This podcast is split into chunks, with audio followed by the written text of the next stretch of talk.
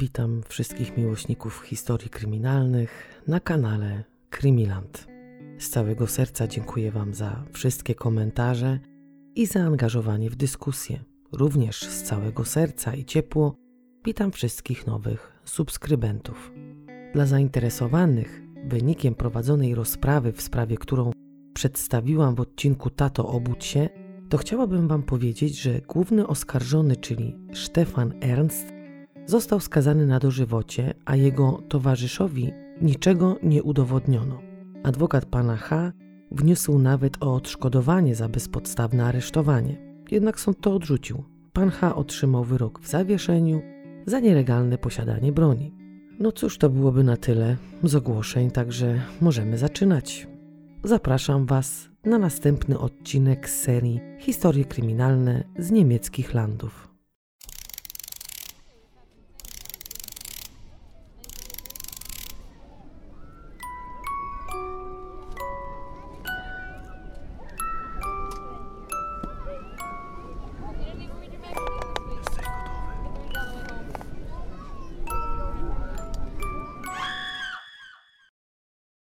Dziś przenosimy się do berlińskiej dzielnicy Kreuzberg, w większości zamieszkanej przez studentów, artystów, no i mniejszość turecką.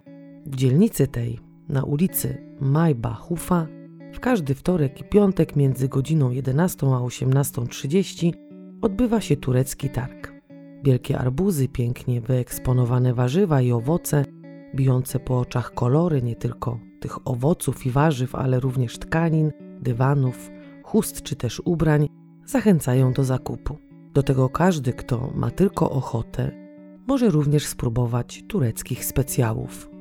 Naprzeciw tego wielkiego targu, bardziej po skosie, na ulicy Kotbuzastrasse, stoi pięciopiętrowy blok, na parterze którego można kupić u osiedlowego rzeźnika mięso z dodatkiem halal, czyli mięso pochodzące od zwierzęcia ubijanego zgodnie z obrządkiem islamskim. Po drugiej stronie ulicy znajduje się turecki sklep, oferujący tradycyjną modę ślubną.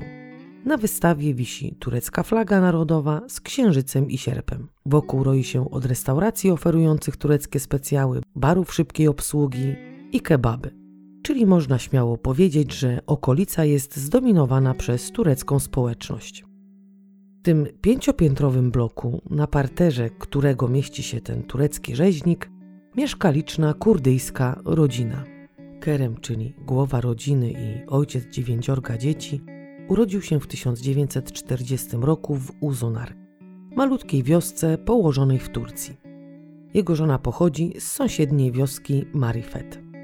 Kiedy wzięli ślub, mieszkali w rodzinnej wsi Kerema, gdzie on sam pracował jako pomocnik ogrodnika. W latach 50. i 60. Niemcy przeżywały boom gospodarczy z którym wiązał się wzrost produkcji, zatrudnienia oraz wysokości wynagrodzeń.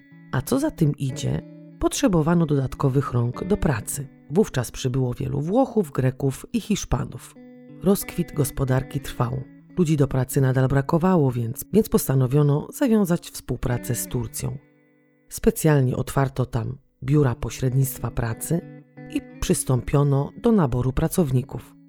Dla Turcji była to bardzo korzystna współpraca, ponieważ niemieckie przedsiębiorstwa płaciły władzom tureckim za każdego pracownika i takim oto sposobem w latach 70. do RFN przybyło ponad 867 tysięcy Turków. Wśród nich był również Kerem Surudżu, który trafił do Berlina i podjął tam pracę w dość dużej, dobrze prosperującej berlińskiej piekarni jako pomocnik piekarza. Po siedmiu latach ściągnął swą żonę wraz z dwoma starszymi synami, którzy przyszli na świat w Turcji. Podają różnie, że ośmioro z dziewięciorka dzieci tej pary urodziło się w Niemczech, ale prawdą jest to, że w Niemczech urodziło się siedmioro dzieci, a dwóch najstarszych synów przyszło na świat w Turcji. Jedenaścioro członków tej licznej familii zajmuje około 100-metrowe, czteropokojowe mieszkanie.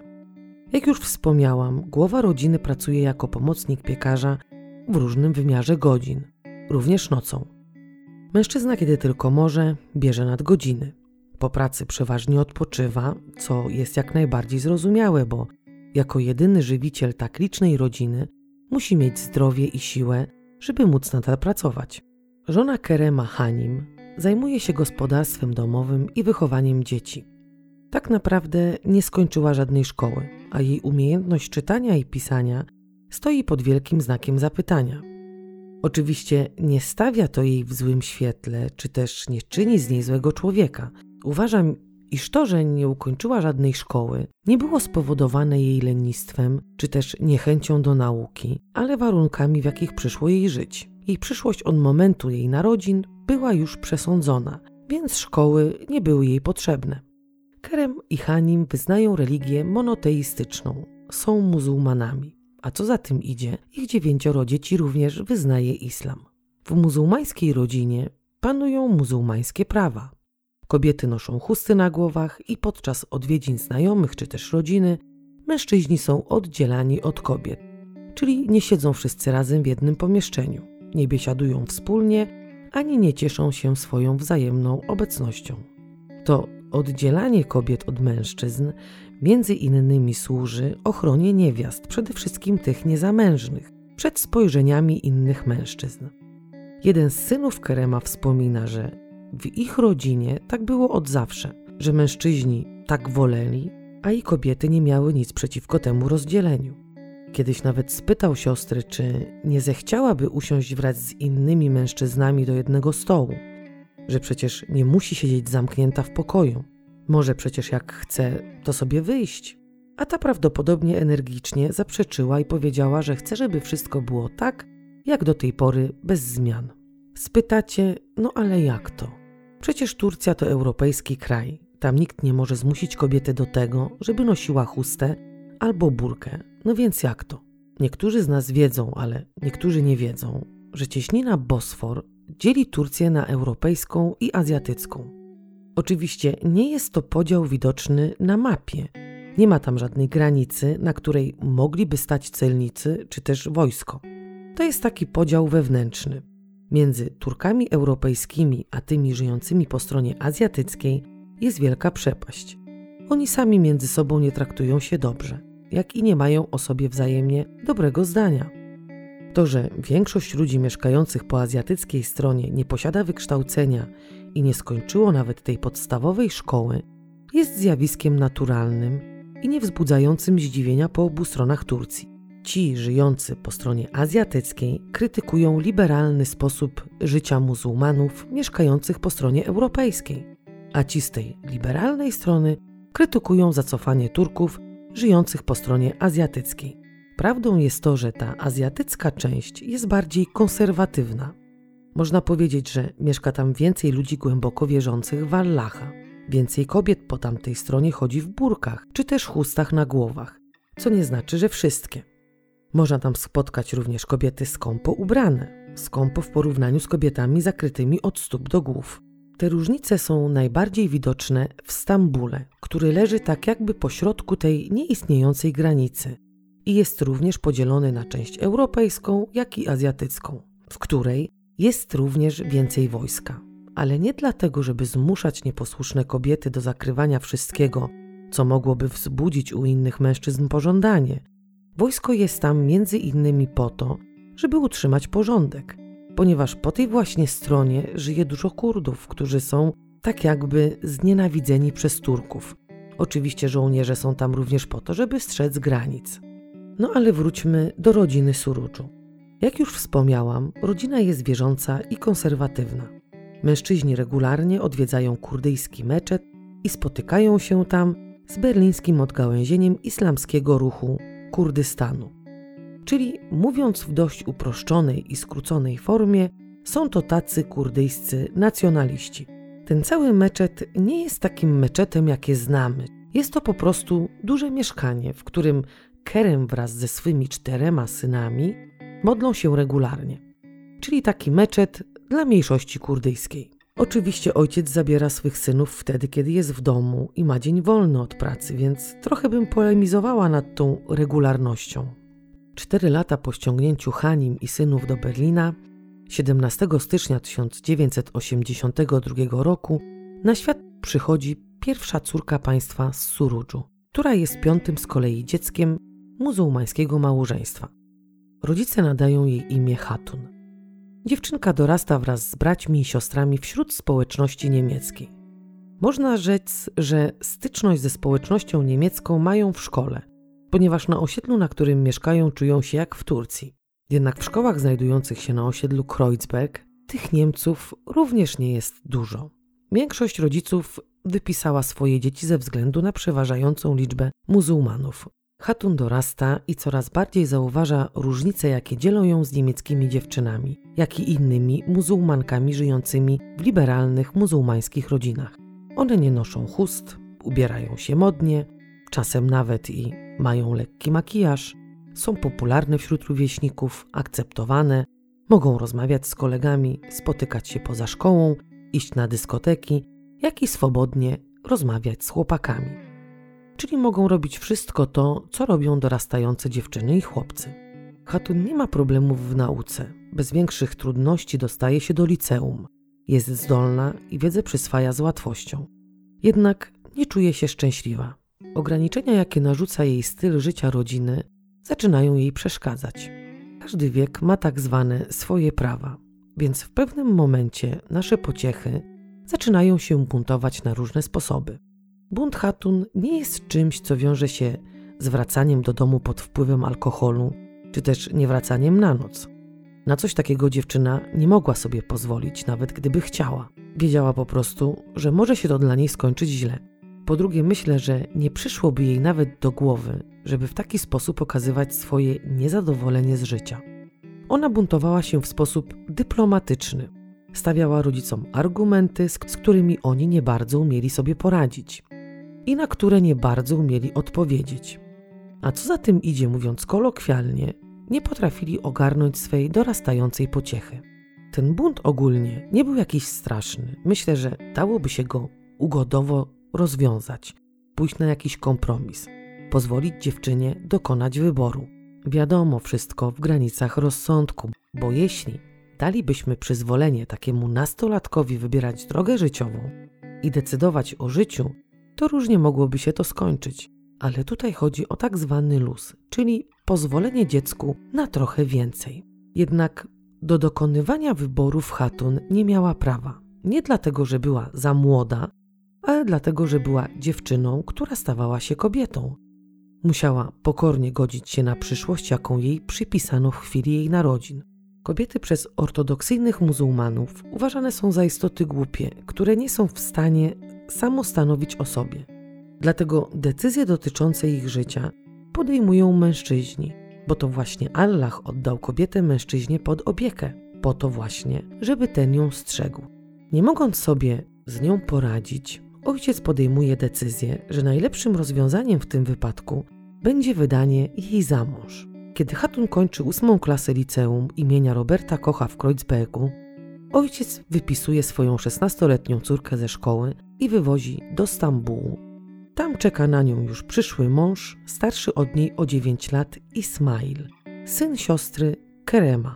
W okresie wakacji szkolnych inne dzieciaki wyjeżdżają na wakacje, cieszą się czasem wolnym, jak i cieszą się życiem. Wówczas często rodzą się pierwsze miłości, zauroczenia i fascynacje, czyli wszystko to, przez co każdy z nas przeszedł w wieku dorastania. Natomiast Hatun nie przeżywa tego, co przeżywają normalnie żyjący nastolatkowie. Wraz z ojcem jest w drodze do Stambułu, gdzie po raz pierwszy zobaczy swego przyszłego męża. Dziewczyna nie chce mieć męża. Cały czas jest na nie, ale rodzina Ismaila i ojciec Hatun zdecydowali, że ona ma być jego żoną. I tak też jej powiedzieli.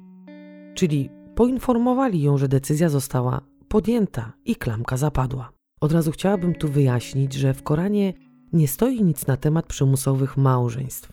Jest tam cytat o tym, żeby pozwolić młodej kobiecie wybrać, i jeśli ona zaakceptuje pana młodego i wyrazi zgodę, wówczas może dojść do ślubu.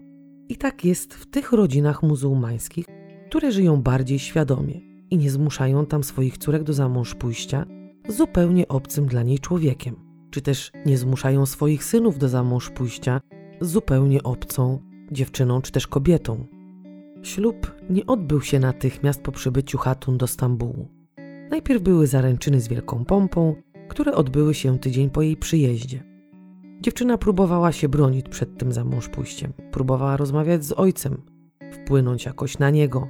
Obiecywała nawet, że już nie będzie się buntować, że będzie nosić tą chustę i siedzieć w odosobnieniu. Jednak niestety słowo się rzekło. Podjętej decyzji nie można było już odwołać. Rok po zaręczynach odbyło się huczne weselicho. Ślub cywilny nie został zawarty. Hatun nie podoba się jej obecne życie. Mąż nie jest dla niej dobry. Często stosuje przemoc. W związku z czym dziewczyna pewnego dnia, rok po zawarciu małżeństwa, będąc w ciąży, ucieka do Berlina i skarży się ojcu na męża, którego on jej wybrał. Cała we łzach opowiada Keremowi o przemocy i o tym, jak ją traktowała rodzina męża. Ismail, mąż Hatun, zaprzecza zarzutom, jakie stawia mu jego młoda żona. Całą winę za rozpad związku chce zwalić na swoją już byłą połowicę.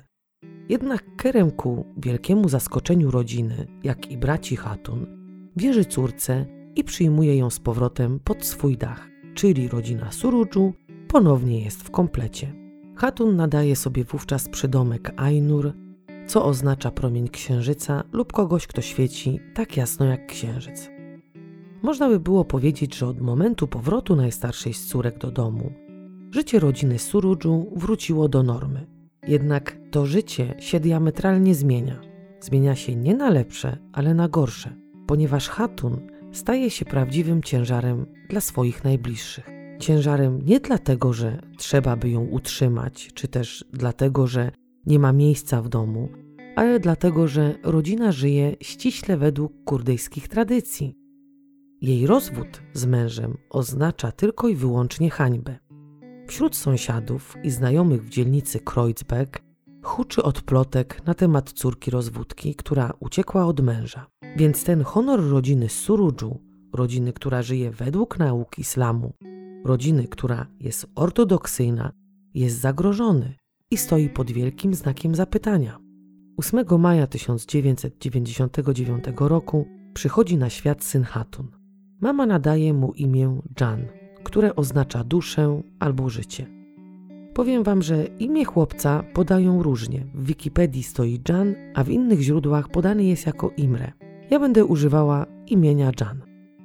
Od tego czasu, czyli od czasu narodzin chłopca, w domu rodziny Surudżu zrobiło się ciasno. Po drugie, zaczęło dochodzić tam do coraz częstszych kłótni między braćmi i ojcem Achatun. Najstarsza z córek nie chce żyć według tradycji. Nie chce spędzać dni w samotności, ukrywać się przed światem i pomagać matce.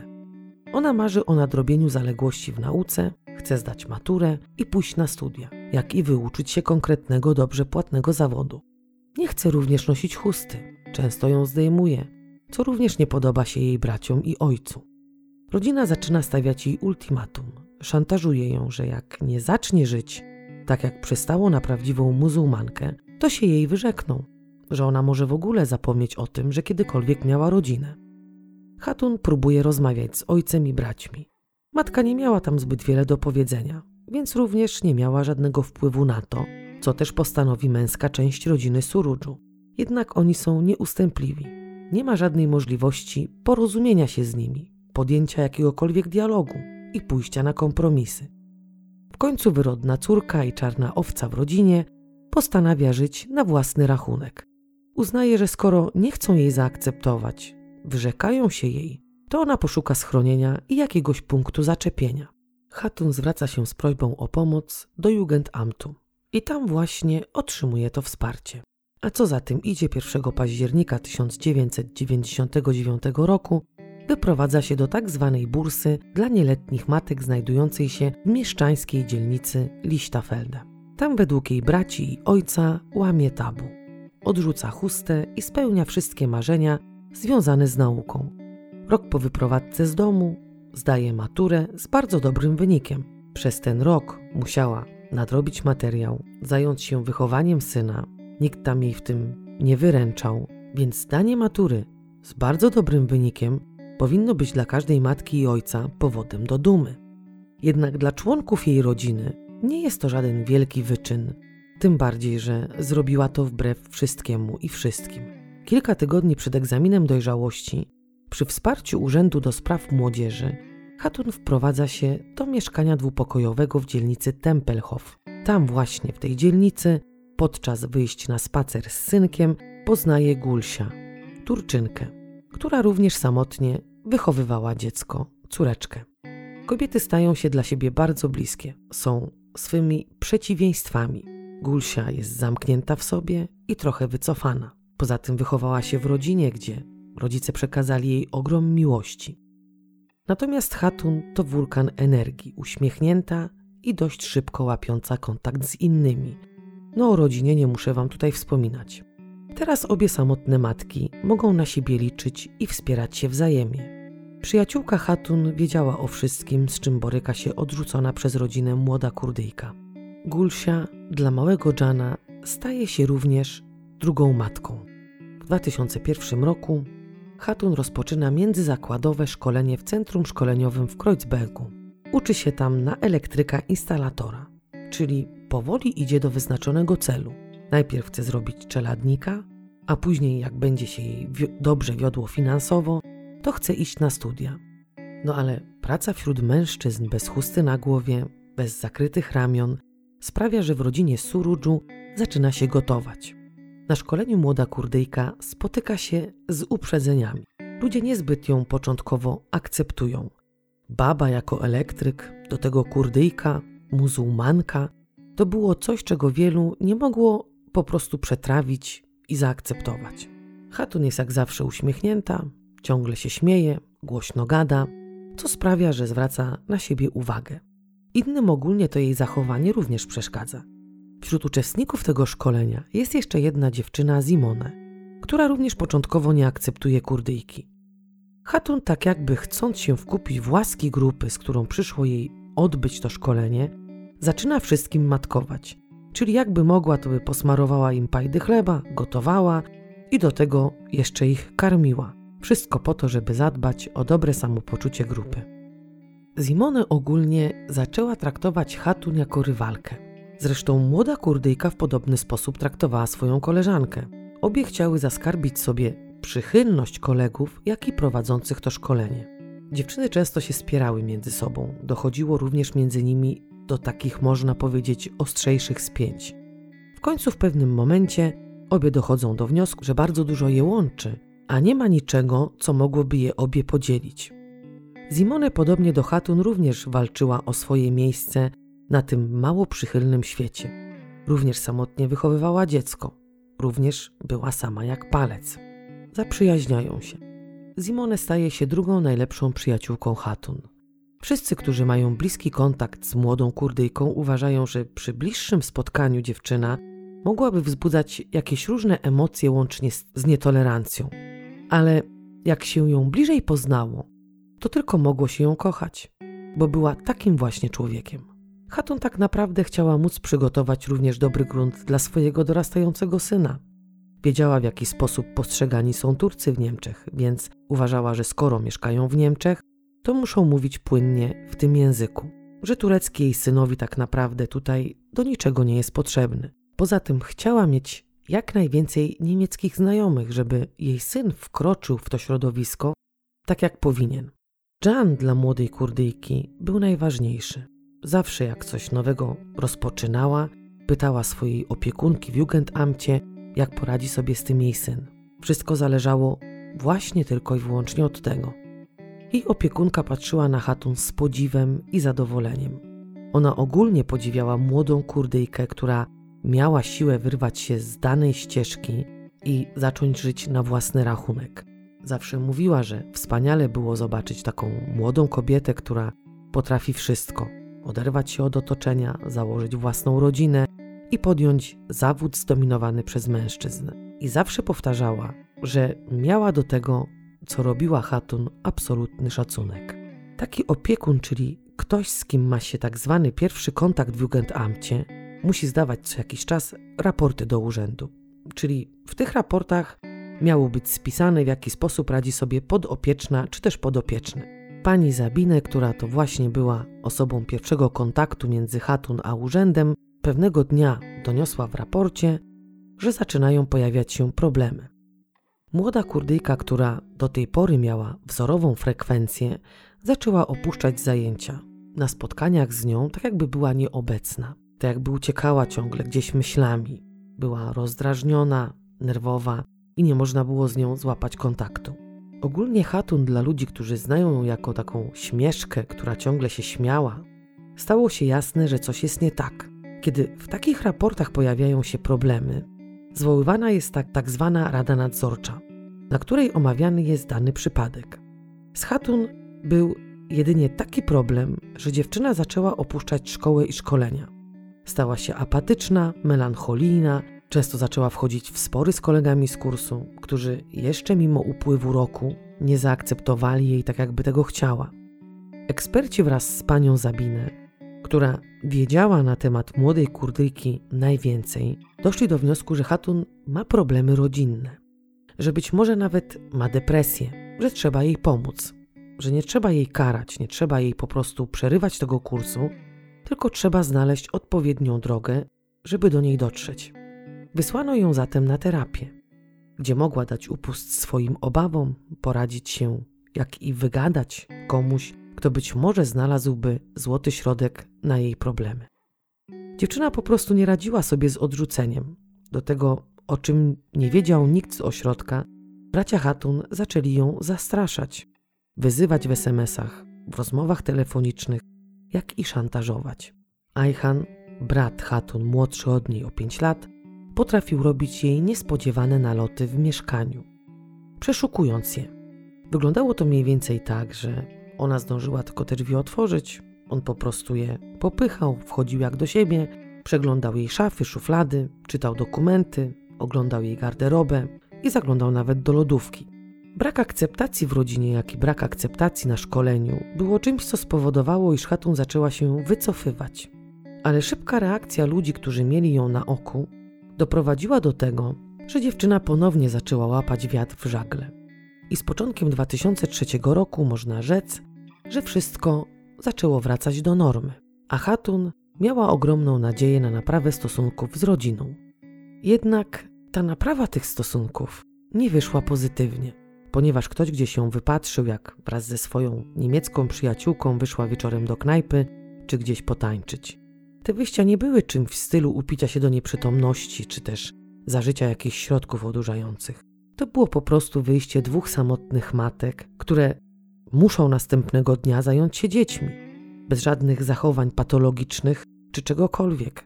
One i tak tam nie spędzały w tych knajpach całej nocy. To było takie wyjście na dwie, trzy godzinki. Jednak jej bracia widzieli w tym coś strasznego.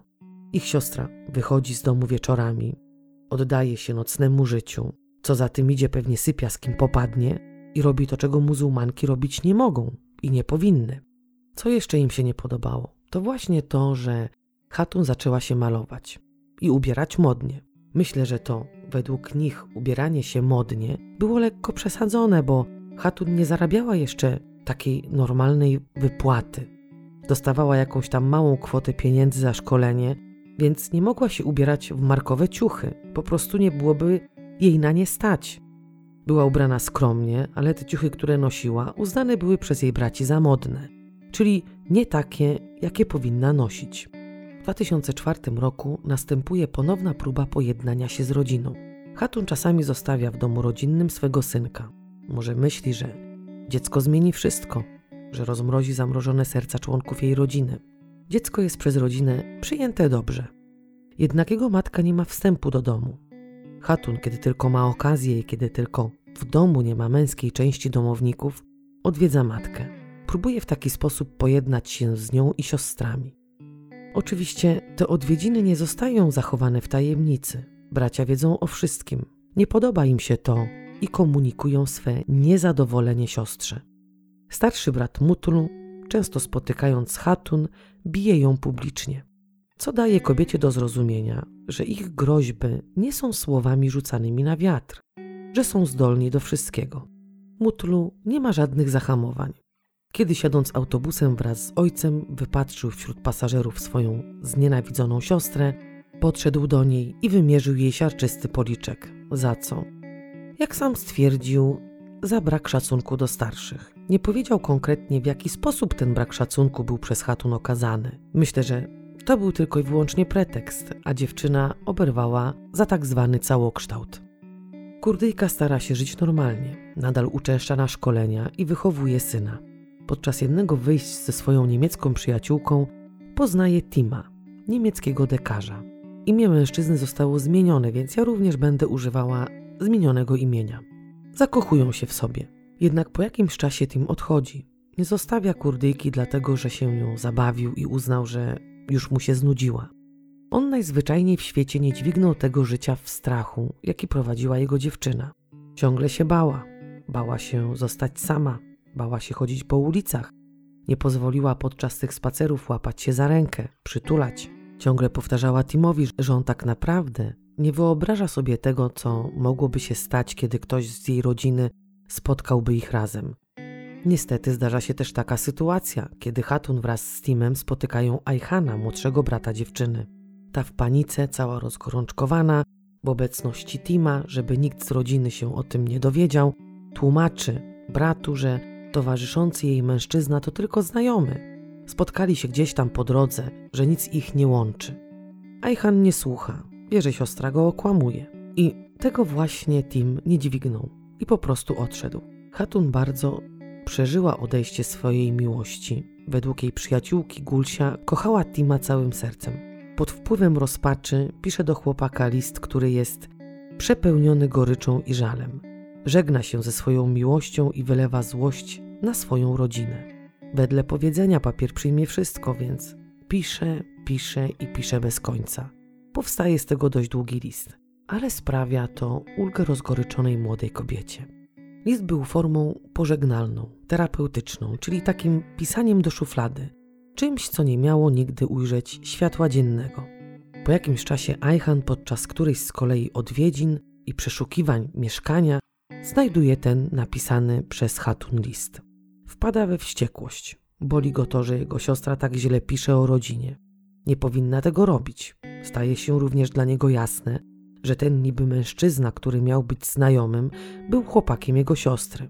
A tak nie mogło być. Nie dość, że źle się prowadziła, to dawała zły przykład innym kobietom i swoim młodszym siostrom, które może tak jak ona zechcą kiedyś pod wpływem tego, co robiła, również samo stanowić o sobie, zrzucić chustę, odkryć ramiona, malować się i pracować wśród obcych mężczyzn.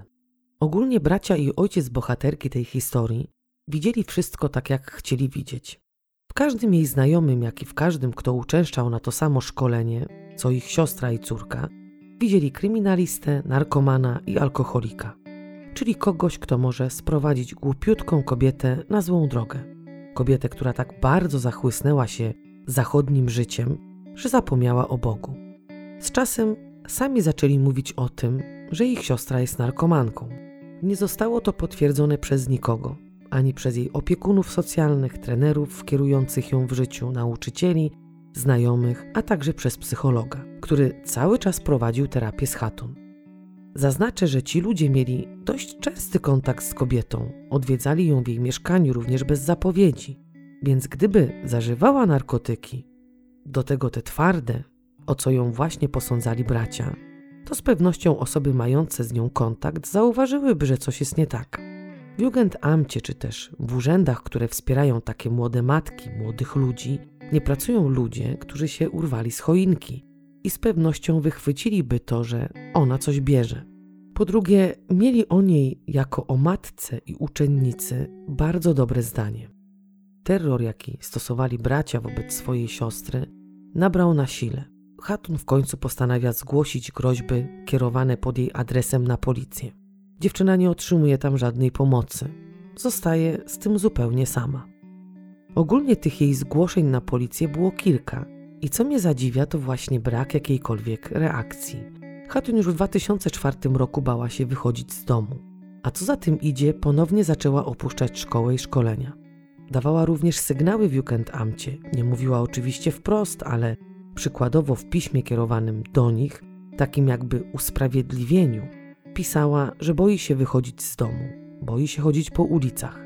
Nie zareagowano na to, ponieważ wśród młodych ludzi, których mieli tam pod opieką, wielu zgłaszało strach z powodów konfliktów z rodziną, przyjaciółmi czy też znajomymi.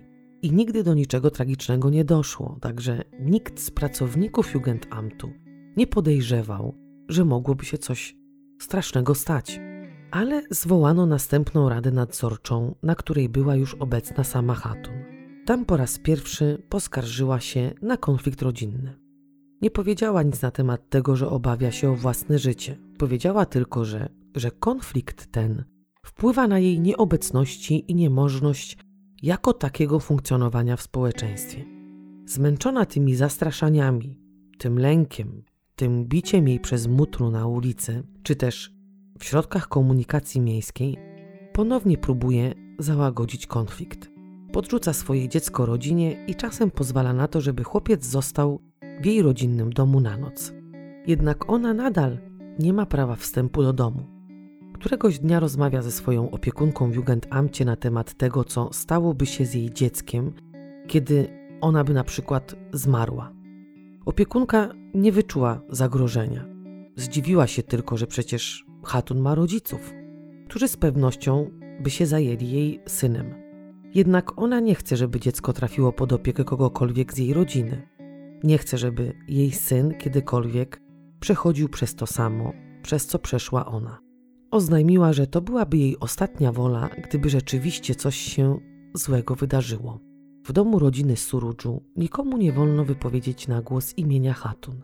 Matka, kiedy córka do niej dzwoni, zawsze mówi wymijająco, żeby tylko nie wypowiedzieć imienia swojej córki, no bo przecież jest zakaz. Ajhan nadal nachodzi siostrę, robiąc przy tym przegląd mieszkania. Któregoś dnia Gulsia zapytała wprost Hatun, dlaczego wpuszcza go do mieszkania, że nie powinna tego w ogóle robić, że czego on w ogóle w tym mieszkaniu szuka. Czyli możemy sobie wyobrazić, jak te odwiedziny brata wyglądały. W 2005 roku zastraszanie Hatun nabrało formy masowej. Wydzwaniano do niej po kilka razy dziennie, wyzywano ją i informowano ją o tym, co jej zrobią. Kurdyjka ponownie zaczęła opuszczać szkołę. Bała się wychodzić na ulicę. Doszło do tego, że wychodząc od swojej przyjaciółki, nie pokonywała drogi do domu pieszo. Ta odległość nie była jakimiś tam dwoma czy trzema kilometrami. To było zaledwie 800 metrów. Ona po prostu brała taksówkę. Podczas tej krótkiej podróży ciągle rozmawiała z Gulsia przez telefon. Kobiety nie rozłączały się, żeby w razie czego można było jakoś zareagować. W końcu dwie przyjaciółki postanawiają uciec z Berlina. Tak szybko, jak to tylko możliwe. Gulsia miała znajomego, któremu zwierzyła się z problemów, jakie spotkały Hatun. Ten postanawia pomóc dwóm kobietom. Zaczyna najpierw od najważniejszej rzeczy, czyli od znalezienia pracy dla młodej Kurdyjki. Ma znajomego, któremu kiedyś wyświadczył przysługę. Ów znajomy jest dyrektorem zarządzającym średniej wielkości firmą zajmującą się elektronicznymi systemami sterowania parkingami. Pan Hoffman bez problemu godzi się pomóc dwóm kobietom i dać zatrudnienie Hatun. Przez kilka najbliższych dni on i Kurdyjka przeprowadzali długie rozmowy przez telefon. Hoffman był pod wrażeniem Hatun. Uważał, że jest to młoda, silna kobieta, otwarta na świat i ludzi. Według niego dziewczyna mogłaby przyjechać choćby zaraz i rozpocząć pracę w firmie. Przyjaciółki obmyślają plan ucieczki. Jako pierwsza miała jechać na kilka tygodni Hatun, miała tam znaleźć mieszkanie i rozejrzeć się za pracą dla Gulsia. Ta druga miała natomiast przypilnować do tego czasu Jana. Jednak wszyscy jak jeden mąż namawiali Hatun, żeby ta jednak dokończyła to szkolenie i zdobyła świadectwo czeladnika. Młoda Kurdyjka uczęszcza dalej na szkolenie. Jest połowa stycznia, a w marcu miała przystąpić do egzaminu końcowego. Do dziś nie wiadomo, czy jej bracia dowiedzieli się o planowanej ucieczce, czy po prostu wszystko, co się później wydarzyło, było zwykłym zbiegiem okoliczności. 7 lutego 2005 roku, w godzinach przedpołudniowych, Hatun odwiedza swoją matkę, podejmując kolejną próbę pojednania z nią i z siostrami. O jej odwiedzinach dowiaduje się młodszy brat Ajhan i postanawia odwiedzić starszą siostrę wieczorem, powiadamiając ją, że nie podobają mu się jej odwiedziny w domu że on sobie ogólnie nie życzy jej obecności. Siostra wpuszcza do domu wrogo nastawionego brata i proponuje mu kawę. Siedzą w kuchni jej mieszkania i rozmawiają. Ajhan między tymi wyrzutami, które stawia siostrze, mówi, że chętnie zajmie się siostrzeńcem. Oczywiście, kiedy zajdzie taka potrzeba, czyli jeśli siostra nie będzie miała przykładowo z kim zostawić syna, wówczas Ajhan służy pomocą. Nagle młodszy brat oznajmia, że musi już wyjść. Spieszy się. Dokąd i dlaczego nie było to akurat istotne. Siostra postanawia go odprowadzić na przystanek. W międzyczasie mają dokończyć rozmowę. Myślę, że Hatun cały czas miała nadzieję, że dojdzie do jakiegoś porozumienia, przynajmniej z tym bratem. Jest 20.15, kiedy Hatun zakłada tylko bluzę, bierze kubek z kawą i wychodzi. Na zewnątrz zapala papierosa. Zaczęła palić, gdy zamieszkała sama, co również nie podobało się męskiej części jej rodziny. Nie włożyła kurtki, ponieważ nie zamierzała na zewnątrz długo zabawić. Po drugie, w domu zostawiła śpiącego synka i nie mogła sobie pozwolić na dłuższy pobyt poza domem.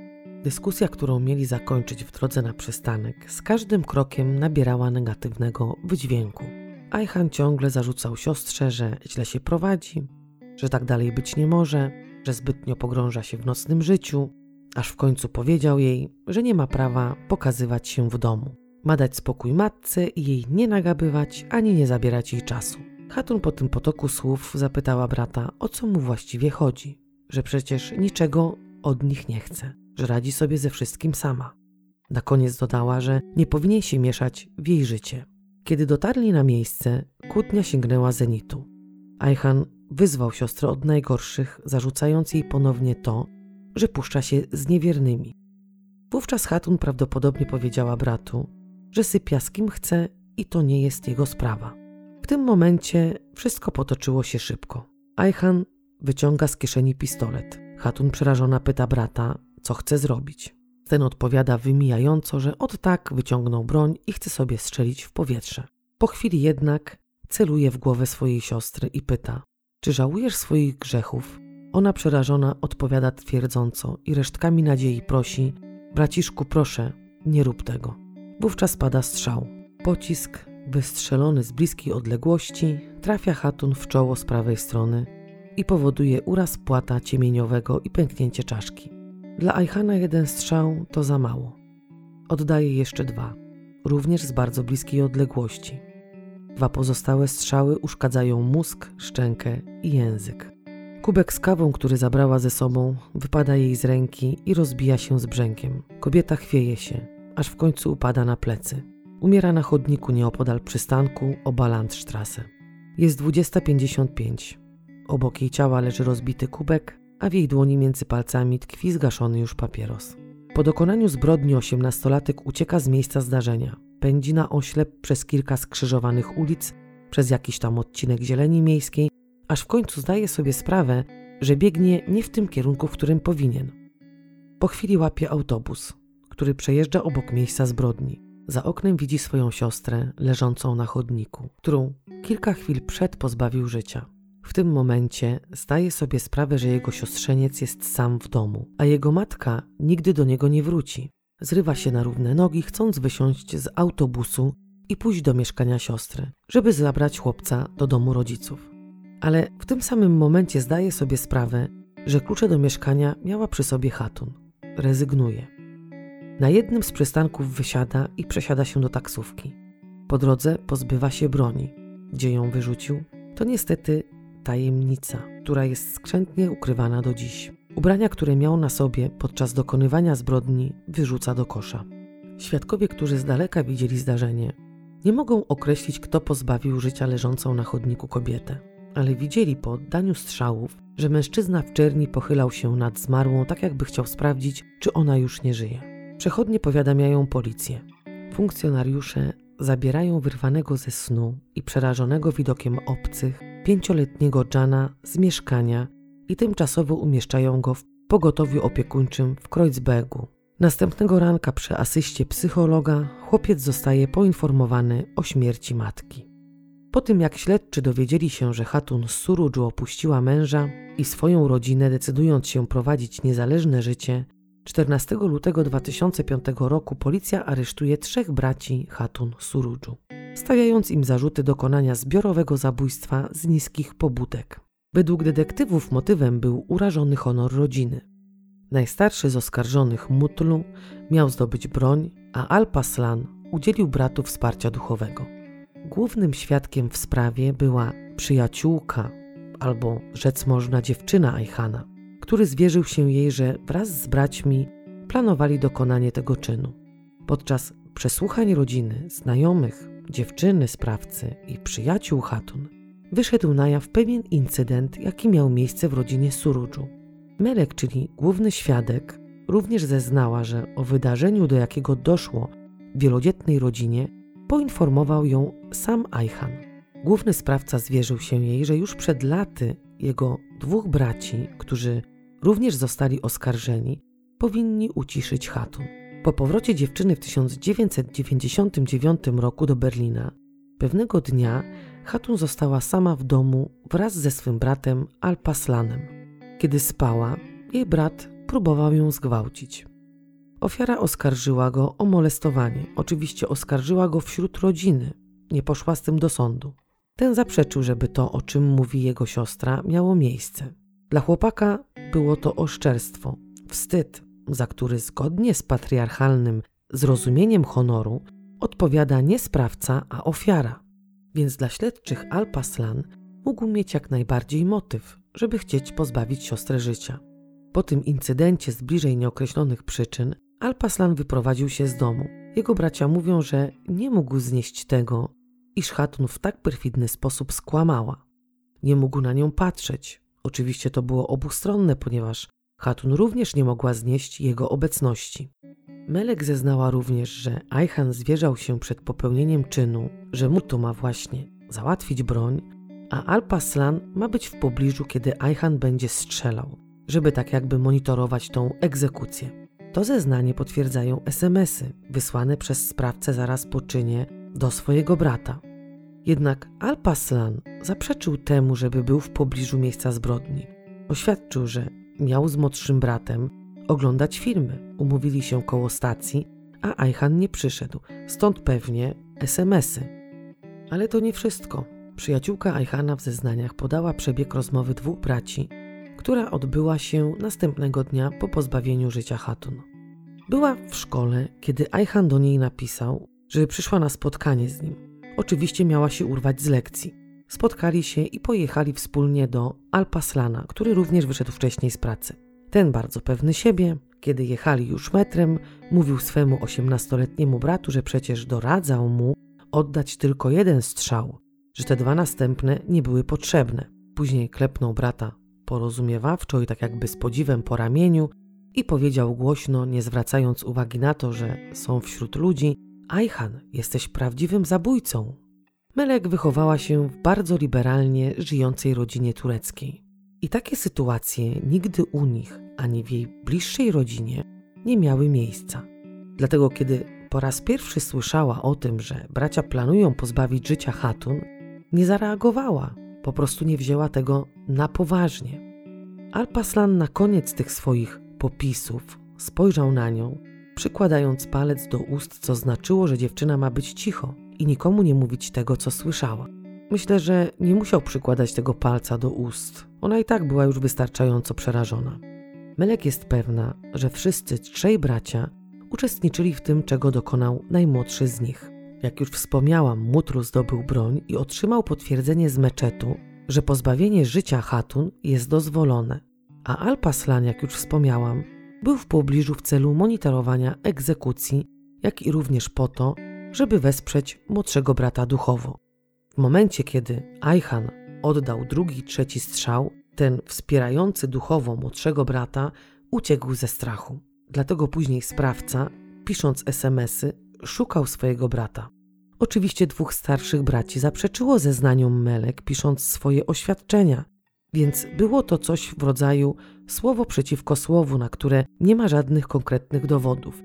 Powiem Wam szczerze, że te zaprzeczenia napisane w oświadczeniach były naprawdę napisane w taki bardzo logiczny sposób, co nawet mi samej chwilami wydawało się bardzo prawdopodobne.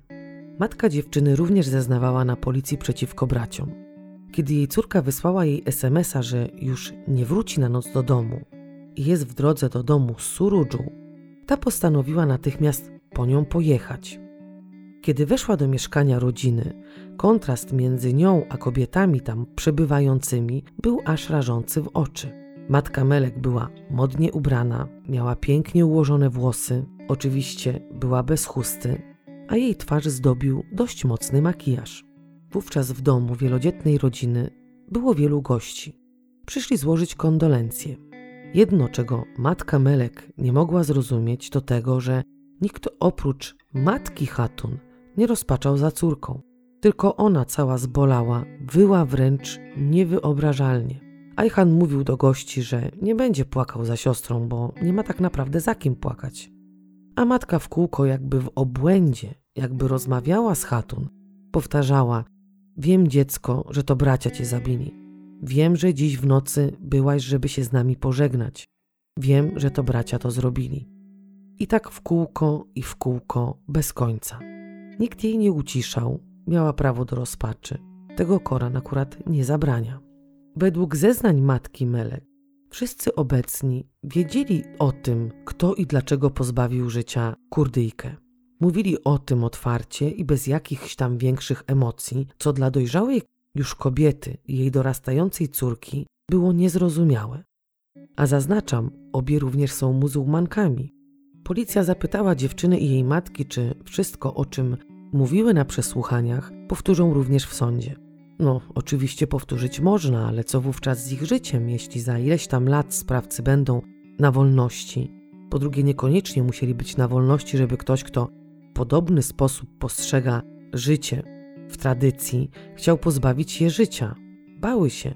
Kiedy wyjawiły śledczym swoje obawy, ci zaproponowali im objęcie ich programem ochrony świadków. Zgoda na objęcie rodziny takim programem również nie należy do łatwych i to nie zawsze wygląda tak, jak jest pokazane na filmach.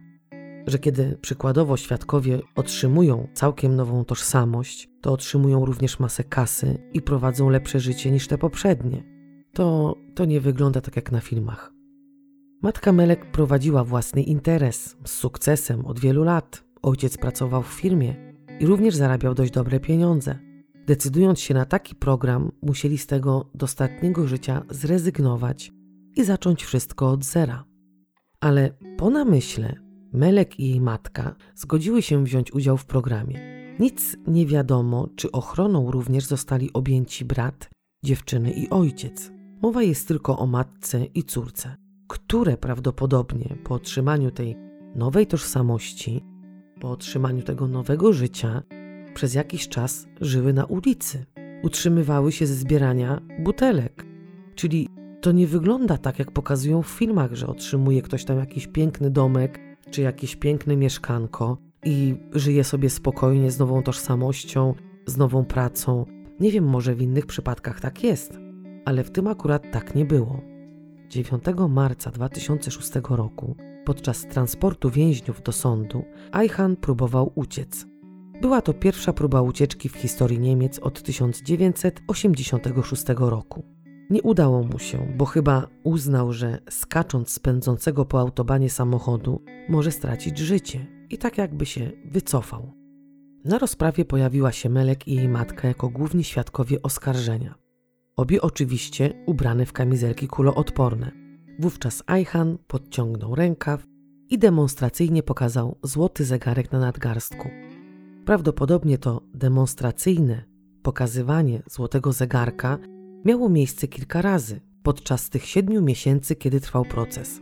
Zgodnie z kurdyjskim zwyczajem, synowie otrzymują od ojców złoty zegarek, gdy dokonują czegoś wyjątkowego, czegoś dla dobra rodziny, na przykład tego, czego dokonał Ajhan. Hamid, najstarszy brat Hatun, od dawna zerwał z rodziną kontakty. Jako jedyny wspierał siostrę i często ze sobą rozmawiali. Gulsia wspomina, że jeszcze przed tą planowaną ucieczką, przed tym takim masowym terrorem, jaki zastosowali bracia, Hamid odwiedził Hatun i kiedy siedzieli w trójkę przy stole w kuchni i grali w karty, wśród tych żartów, śmiechów, Hamid w pewnym momencie nie wytrzymał i powiedział do siostry: Hatun, musisz stąd wyjechać. Ta zapytała dlaczego. On wówczas jej odpowiedział: Oni cię zabiją. Niestety Hamid skorzystał z prawa i odmówił składania zeznań, ale to wskazuje tylko i wyłącznie na to, że to, czego dokonał Ajhan, było czynem zbiorowym i wiedziała o tym cała rodzina. 13 kwietnia 2006 roku sąd rejonowy w Berlinie skazał najmłodszego z braci Eichana na karę 9 lat i 3 miesięcy pozbawienia wolności. Miał 18 lat, więc postawiono go przed sądem dla nieletnich. A jak już wiecie, najwyższy wyrok w sądzie dla nieletnich to 10 lat pozbawienia wolności. 26-letni Mutlu i 25-letni Alpaslan zostali uniewinnieni z powodu braków dowodów. Jeśli sąd uznałby ich winę, nie zostaliby postawieni przed sądem dla nieletnich, tylko dla dorosłych. Prokuratura natychmiast zaskarżyła wyrok uniewinniający dwóch braci, którzy zaraz po zwolnieniu ich z więzienia uciekli do Stambułu. 28 sierpnia 2007 roku wyrok uniewinniający został uchylony. Jednak oskarżeni wówczas nie przebywali już na terenie Niemiec. W związku z tym wydano międzynarodowy nakaz aresztowania, który został wydany za pośrednictwem Interpolu. Władze tureckie jednak odmówiły ekstradycji Alpaslana i Mutlu z Surudżu. A co za tym idzie, prokurator w Berlinie zamknął sprawę w 2008 roku. Była żona Alpaslana również została oskarżona o składanie fałszywych zeznań, które składała w trakcie przesłuchań i podczas procesu. W trakcie przesłuchań i podczas procesu dała mężowi fałszywe alibi. Jednak nie podano, jaką otrzymała tą karę i, i czy w ogóle ją otrzymała. Sześć lat po dokonanym czynie Matthias Dais, niemiecki dziennikarz telewizyjny, wraz z Jugol, dokumentalistą i dziennikarzem śledczym, odwiedzili Ajhana w więzieniu, jak i Mutlu w Stambule. Ajhan ciągle zaprzeczał, jakoby bracia i ojciec mieli cokolwiek wspólnego z dokonanym czynem.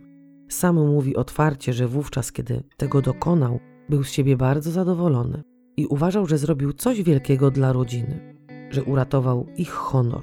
Jednak nigdy ani ojciec, ani bracia z nim na ten temat nie rozmawiali. Twierdzi, że kłamstwem jest to, iż na rozprawie afiszował się złotym zegarkiem. Jednak po kilku chwilach przyznaje, że rzeczywiście miał wówczas zegarek, że to był tak naprawdę zegarek jego ojca, który zostawił go na blacie kuchennym w domu. Mówił, że kiedy jego rodzice dowiedzieli się o śmierci ich córki, jak i tym, że czynu dokonał Ajhan, ojciec prawdopodobnie zbeształ go, płacząc, zniszczyłeś rodzinę. Bracia również nie wiedzieli nic na temat tego, że on zamierza zrobić porządek. Jednak nikt mu w to nie wierzy. Ajhan w tamtym okresie przejął obowiązki tak jakby ojca w domu. Kerem z powodu dolegliwości wynikających z wyniszczenia organizmu ciężką pracą nie przebywał cały czas w Berlinie. Więcej czasu spędzał w Stambule, lecząc tam cukrzycę. A jak już pojawiał się w Niemczech, to ciągle miał depresję. Wówczas Ajhan uznał, że to on jako jedyny mężczyzna, który pozostał w domu, jest odpowiedzialny za kobiety, które musi otoczyć opieką. Nauczyciele w szkole, do której chodziły jego dwie młodsze siostry, byli zdziwieni, że na wywiadówkach pojawia się brat, a nie rodzice, że osiemnastolatek przesadnie podchodził do roli, jaką sam sobie wyznaczył. Prawdopodobnie sam przejął rolę opiekuna, bo jak sam twierdzi, nikt go o to nie prosił. Kiedy go aresztowano, wysłał list do dyrektora liceum, prosząc go o opiekę nad jego siostrami. Mężczyzna nawet mu nie odpisał, ale dodał, że jedna z sióstr Ajhana krótko po pozbawieniu Hatun życia przyszła do niego i zapytała, jak może się wyrwać spod szponów rodziny. Prosiła go, żeby pokierował ją, gdzie może się zgłosić, żeby otrzymać pomoc. Ale zaraz po tym, jak dwóch braci zostało uniewinnionych, Mutlu wypisał ją ze szkoły, mówiąc, że zabiera siostrę do Stambułu. Zapytana oczywiście w obecności brata, powiedziała, że jedzie z nim dobrowolnie. Wszyscy podają wątpliwość prawdomówność dziewczyny. Uważają, że nie miała wyjścia, że być może podobnie do Hatun dawała sygnały, że chce zerwać z konserwatywną rodziną i Mutlu dbając o honor siostry, jak i o wszystkich Surudżu, wywiózł ją do Turcji. My patrzymy na to różnie, bo wychowaliśmy się w innych warunkach i innych realiach. Ale to nie jest tak, że wszystkie kobiety żyjące tak jak im nakazuje islam są nieszczęśliwe, że są zmuszane do zakładania chust czy też burek. Często robią to z własnej, nieprzymuszonej woli. Najważniejsze jednak jest to, że to jest za ich zgodą, że wypływa to z ich serca i nie jest przymusem. Jedna z sióstr Hatun, która została z matką i bratem, który prawdopodobnie zwariował po tym, co się wydarzyło w tej rodzinie, jest właśnie taką muzułmanką. Nosi chustę, bo po prostu chce ją nosić. Nie wszyscy muzułmanie są radykalni czy też ortodoksyjni.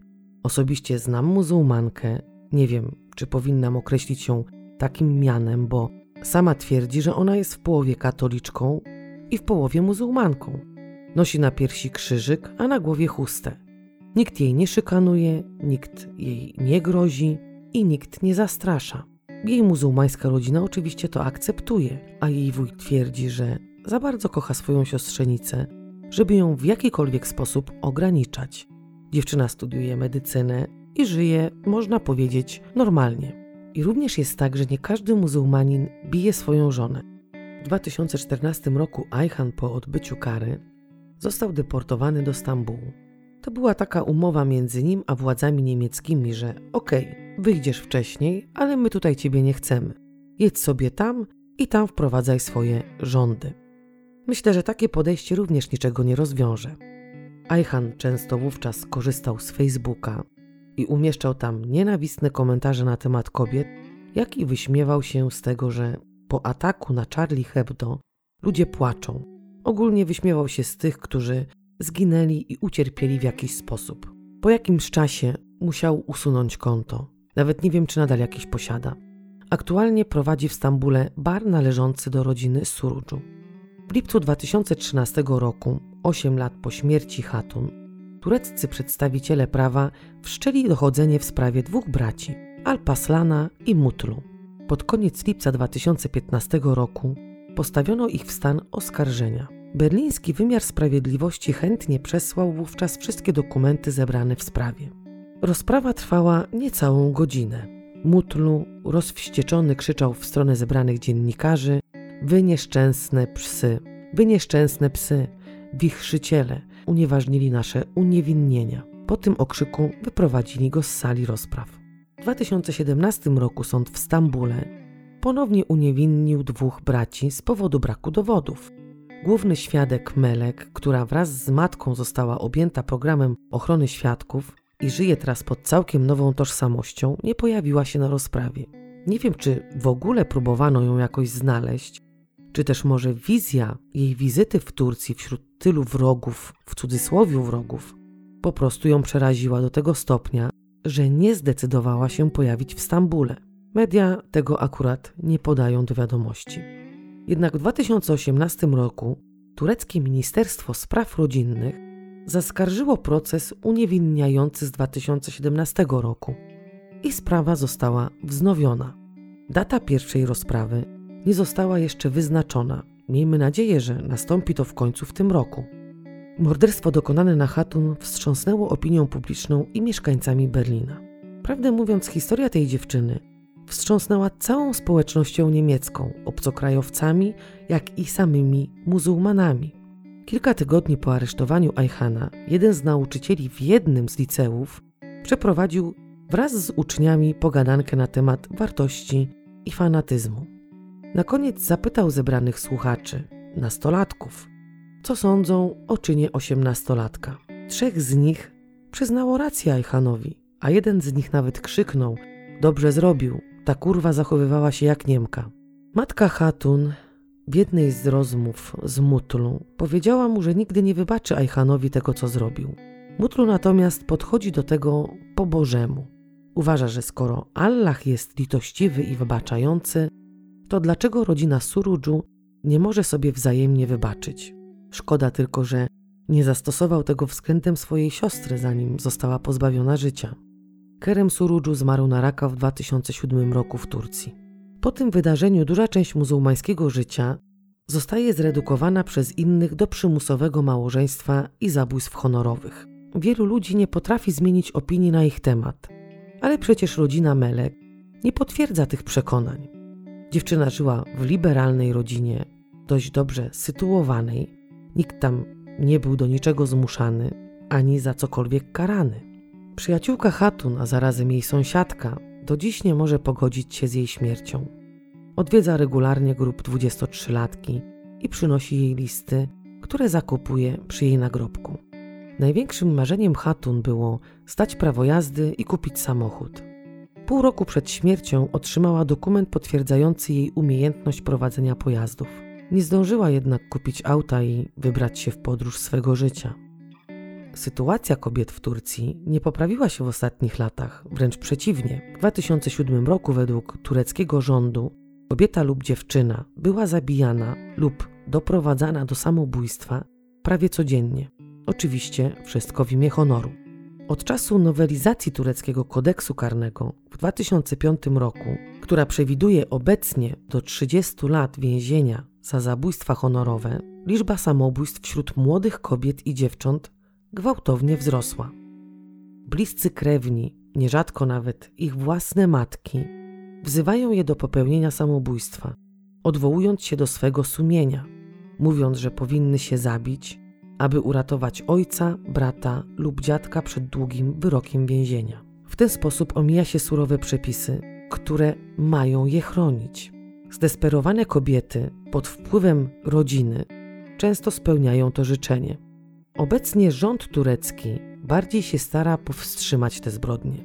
Teraz, gdy Rada Rodzinna zdecydowała się pozbawić życia kobietę, można pociągnąć do odpowiedzialności całą rodzinę.